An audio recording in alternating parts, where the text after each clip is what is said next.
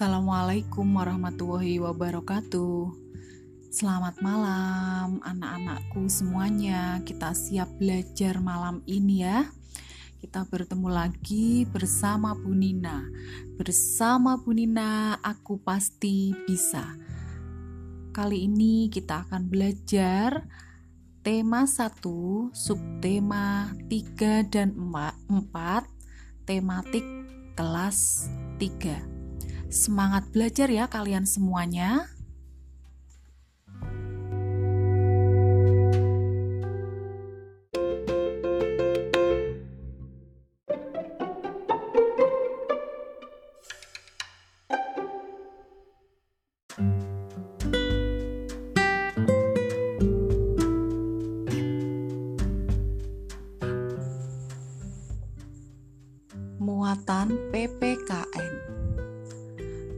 Masih ingat sikap bersyukur? Nah, sikap bersyukur merupakan pengamalan sila ke keberapa coba? Iya, sila pertama Pancasila. Sila pertama berbunyi apa? Ya, ketuhanan yang Maha Esa atau dilambangkan dengan gambar bintang. Betul.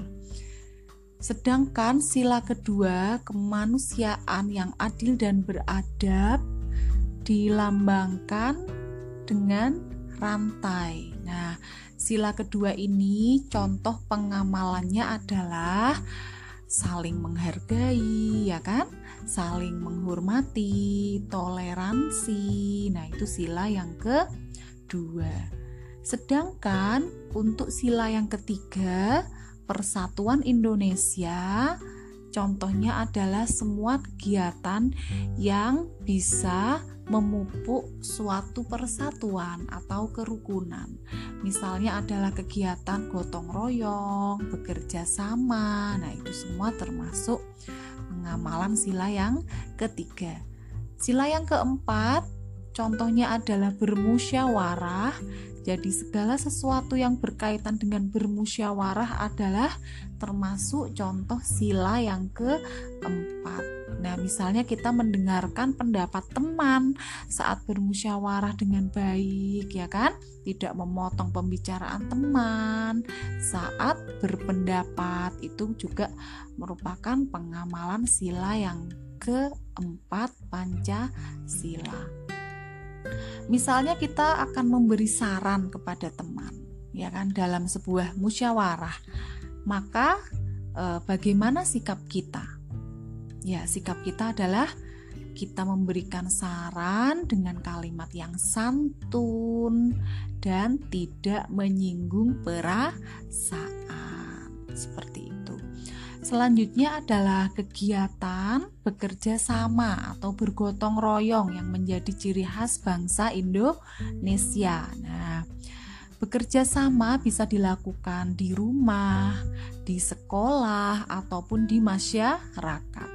Kalian tentu sudah tahu contoh-contohnya, ya kan? Misalnya kalau bekerja sama di rumah, paling mudah adalah bekerja sama membersihkan halaman rumah, mengepel lantai di rumah ya. Itu sudah sering kalian lakukan di rumah. Sedangkan kalau yang di sekolah yang paling sering kita lakukan adalah melaksanakan tugas piket ya kan itu termasuk kerja sama kalau di masyarakat misalnya kita melakukan gotong royong membersihkan lingkungan sekitar sekitar kita ya di masyarakat kita di sekitar rumah di satu RT seperti itu di satu desa nah itu contoh gotong royong di lingkungan masyarakat nah manfaat dari gotong royong masih ingat ya memupuk persaudaraan atau tali persatuan atau kerukunan. Pekerjaan cepat selesai, pekerjaan akan terasa ringan ya. Dan apalagi? Ya, pekerjaan tidak terasa berat atau terasa ringan tadi. itu adalah PPKN yang kita pelajari ya. Selanjutnya adalah bahasa Indonesia. Masih ingat bahasa Indonesia ada apa saja di subtema 3 dan 4? Ayo kita ingat-ingat bersama. Masih ingat ada perkembangbiakan hewan. Nah, perkembangbiakan hewan ada tiga yaitu bertelur atau ovipar, melahirkan atau beranak atau vivipar dan ovovivipar atau bertelur dan melahirkan.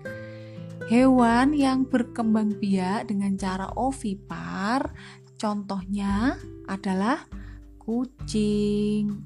Eh, kucing ovipar. Ya, tidak ya. Yang ovipar berarti bertelur. Apa contohnya? Ayam, bebek, ya kan?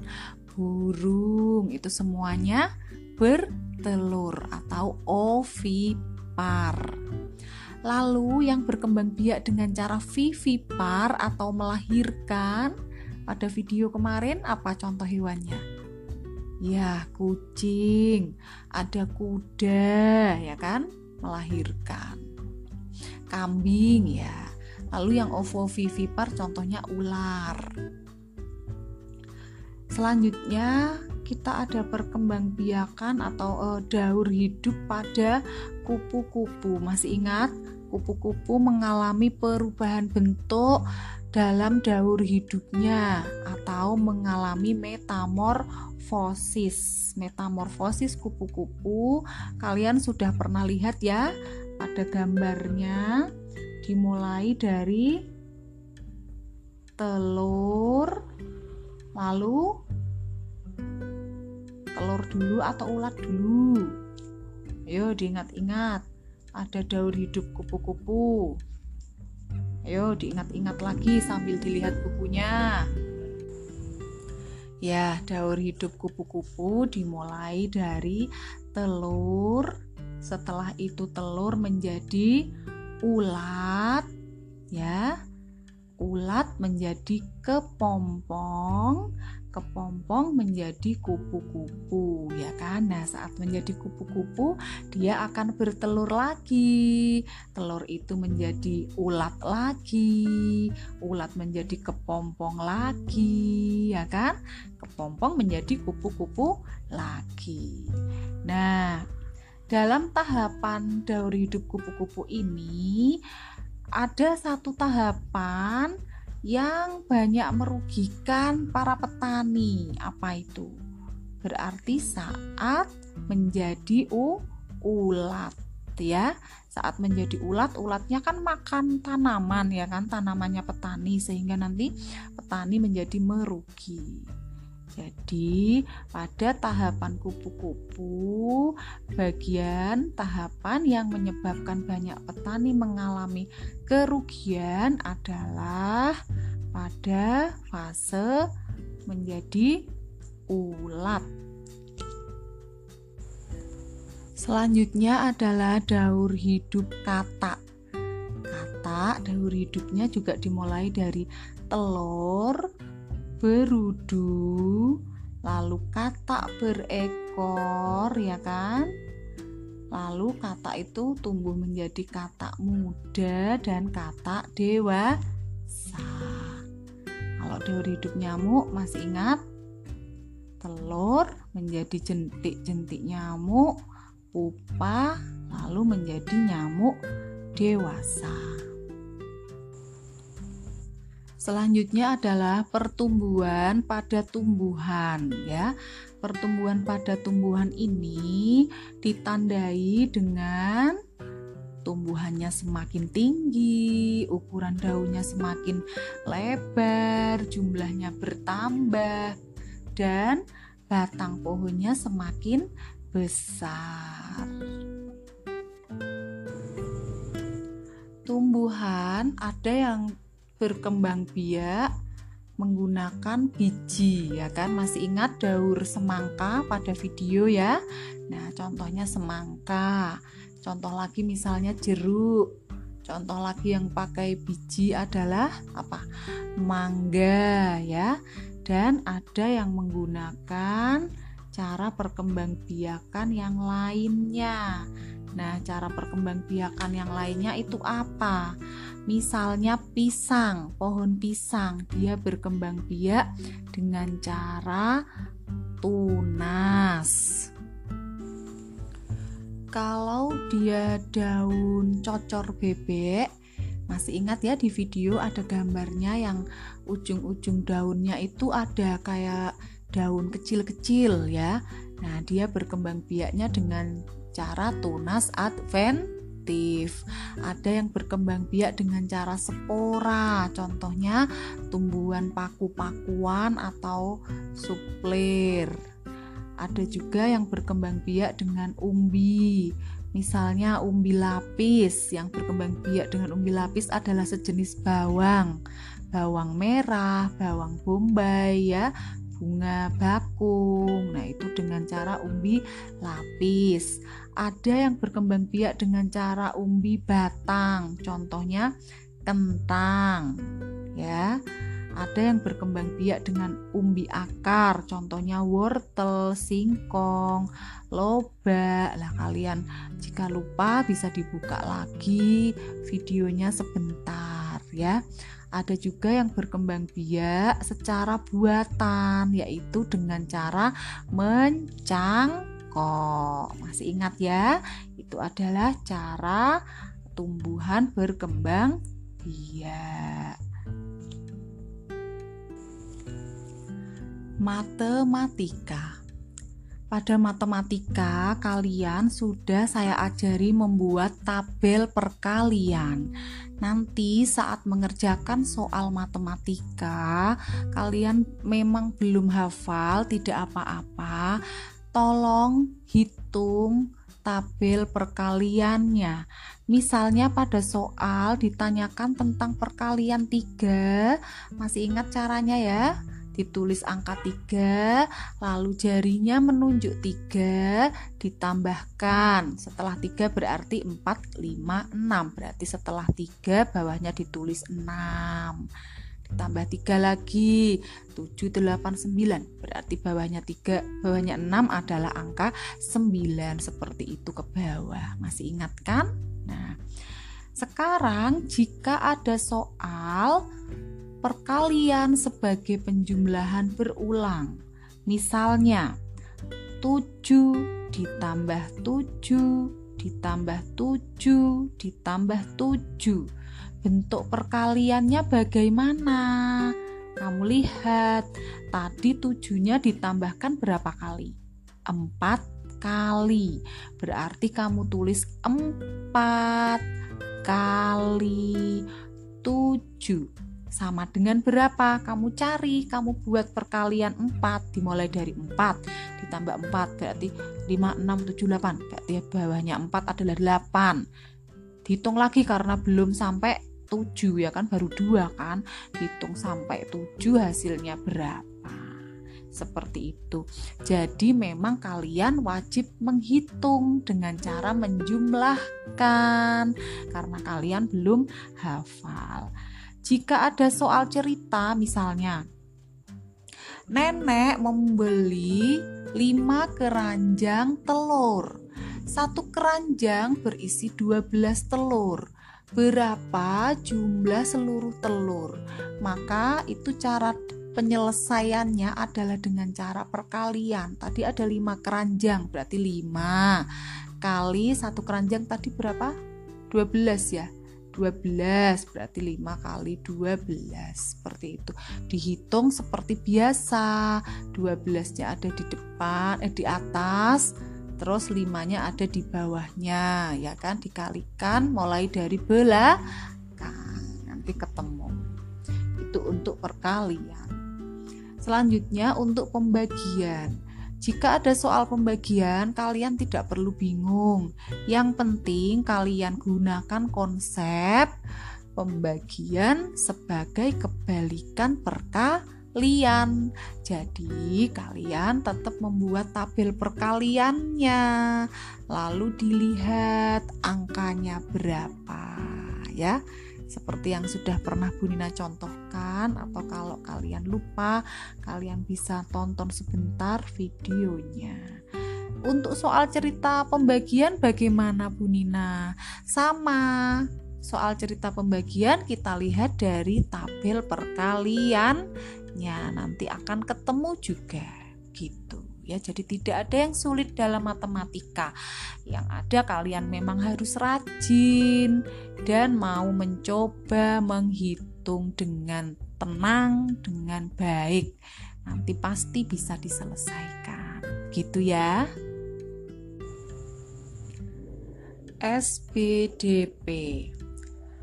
Masih ingat gambar dekoratif ya? Ya, gambar dekoratif itu memiliki fungsi untuk memperindah suatu benda agar lebih menarik atau dibuat hiasan. Nah, unsur-unsur dalam gambar dekoratif ada garis, ada bidang, ada war-warna. Pada subtema empatnya ada mozaik. Mozaik itu apa? Gambar atau lukisan yang terbuat dari kepingan-kepingan yang ditempel-tempel pada media datar misalnya pada kertas karton. Nah, pada karya mozaik masih ingat ya, ada bahan-bahan alami yang digunakan, misalnya daun, ranting, kayu, ya. Bisa juga menggunakan cangkang telur, ya. Nah, masih ingat ya, dulu sudah pernah melihat videonya ya. Nah, karya mozaik ini bisa menggunakan bahan-bahan dari alam atau alami atau buatan. Bu misalnya dibuat dari yang tidak alami bisa. Bisa ya. Nah ada beberapa langkah dalam membuat mozaik. Apa saja langkahnya? Langkah dalam membuat mozaik yang pertama membuat pola gambarnya dulu pada kertas. Dulu yang dicontohkan pada video adalah gambar bunga ya kan? Atau bunga matahari ya Lalu kita oleskan lem pada pola gambar tersebut. Setelah itu kita tempelkan potongan kertas berwarna sesuai keinginan. Mengapa kita menggunakan kertas yang berwarna-warni? Agar karya tersebut lebih menarik atau lebih indah. PJOK pada subtema 3 ada gerakan menirukan daur hidup kupu-kupu. Masih ingat ya kalian waktu itu mempraktekkannya dari video di rumah. Ada gerakan telur, posisinya tidur terlentang sambil mendekap kaki dan badan. Ada gerakan ulat, posisinya merangkak ya Lalu gerakan kepompong, posisinya adalah berdiri, tangan mengepal dan disimpan di atas kepala. Salah satu kaki diangkat menyerupai gerak menggantung pada pohon. Dan gerakan kupu-kupu gerakan posisi badannya berdiri, tangan terbuka ke kanan dan ke kiri, kemudian bergerak seperti gerak kupu-kupu, berlari sambil melompat-lompat. PJOK selanjutnya ada permainan lompat bambu. Namanya saja lompat bambu, berarti alat yang digunakan adalah bambu. Nah, dalam permainan lompat bambu ini dilakukan secara berkelompok. Setiap kelompok masih ingat ada berapa orang? Ada lima orang pemain, ya. Jadi, dalam permainan lompat bambu ini dilakukan secara berkelompok dan membutuhkan kerja sama, ya karena dilakukan secara bergantian juga membutuhkan konsentrasi agar tidak terjepit. Nah, jumlah bambu yang digunakan berapa berarti? Jika setiap anak memegang dua batang bambu, itu kan ada empat anak ya. Ya, dalam videonya dulu sudah saya terangkan, berarti menggunakan empat bambu. Yang terakhir adalah mengukur lompatan dengan batang singkong. Batang singkong yang tidak terpakai bisa kita gunakan untuk mengukur seberapa jauh kita melompat. Nah, gerakan dasar dalam permainan lompat jauh ini adalah lompatan. Ada empat elemen penting dalam melompat, yaitu panggul dan lutut ditekuk sebelum melompat lengan mencapai kepala, tubuh membentuk sudut 45 derajat serta melompat dan mendarat dengan kedua kaki. Demikian pembelajaran tematik tema 1 subtema 3 dan 4 kelas 3 hari ini. Jangan lupa tetap semangat belajar ya. Kita bertemu di lain kesempatan. Sampai jumpa. Assalamualaikum warahmatullahi wabarakatuh.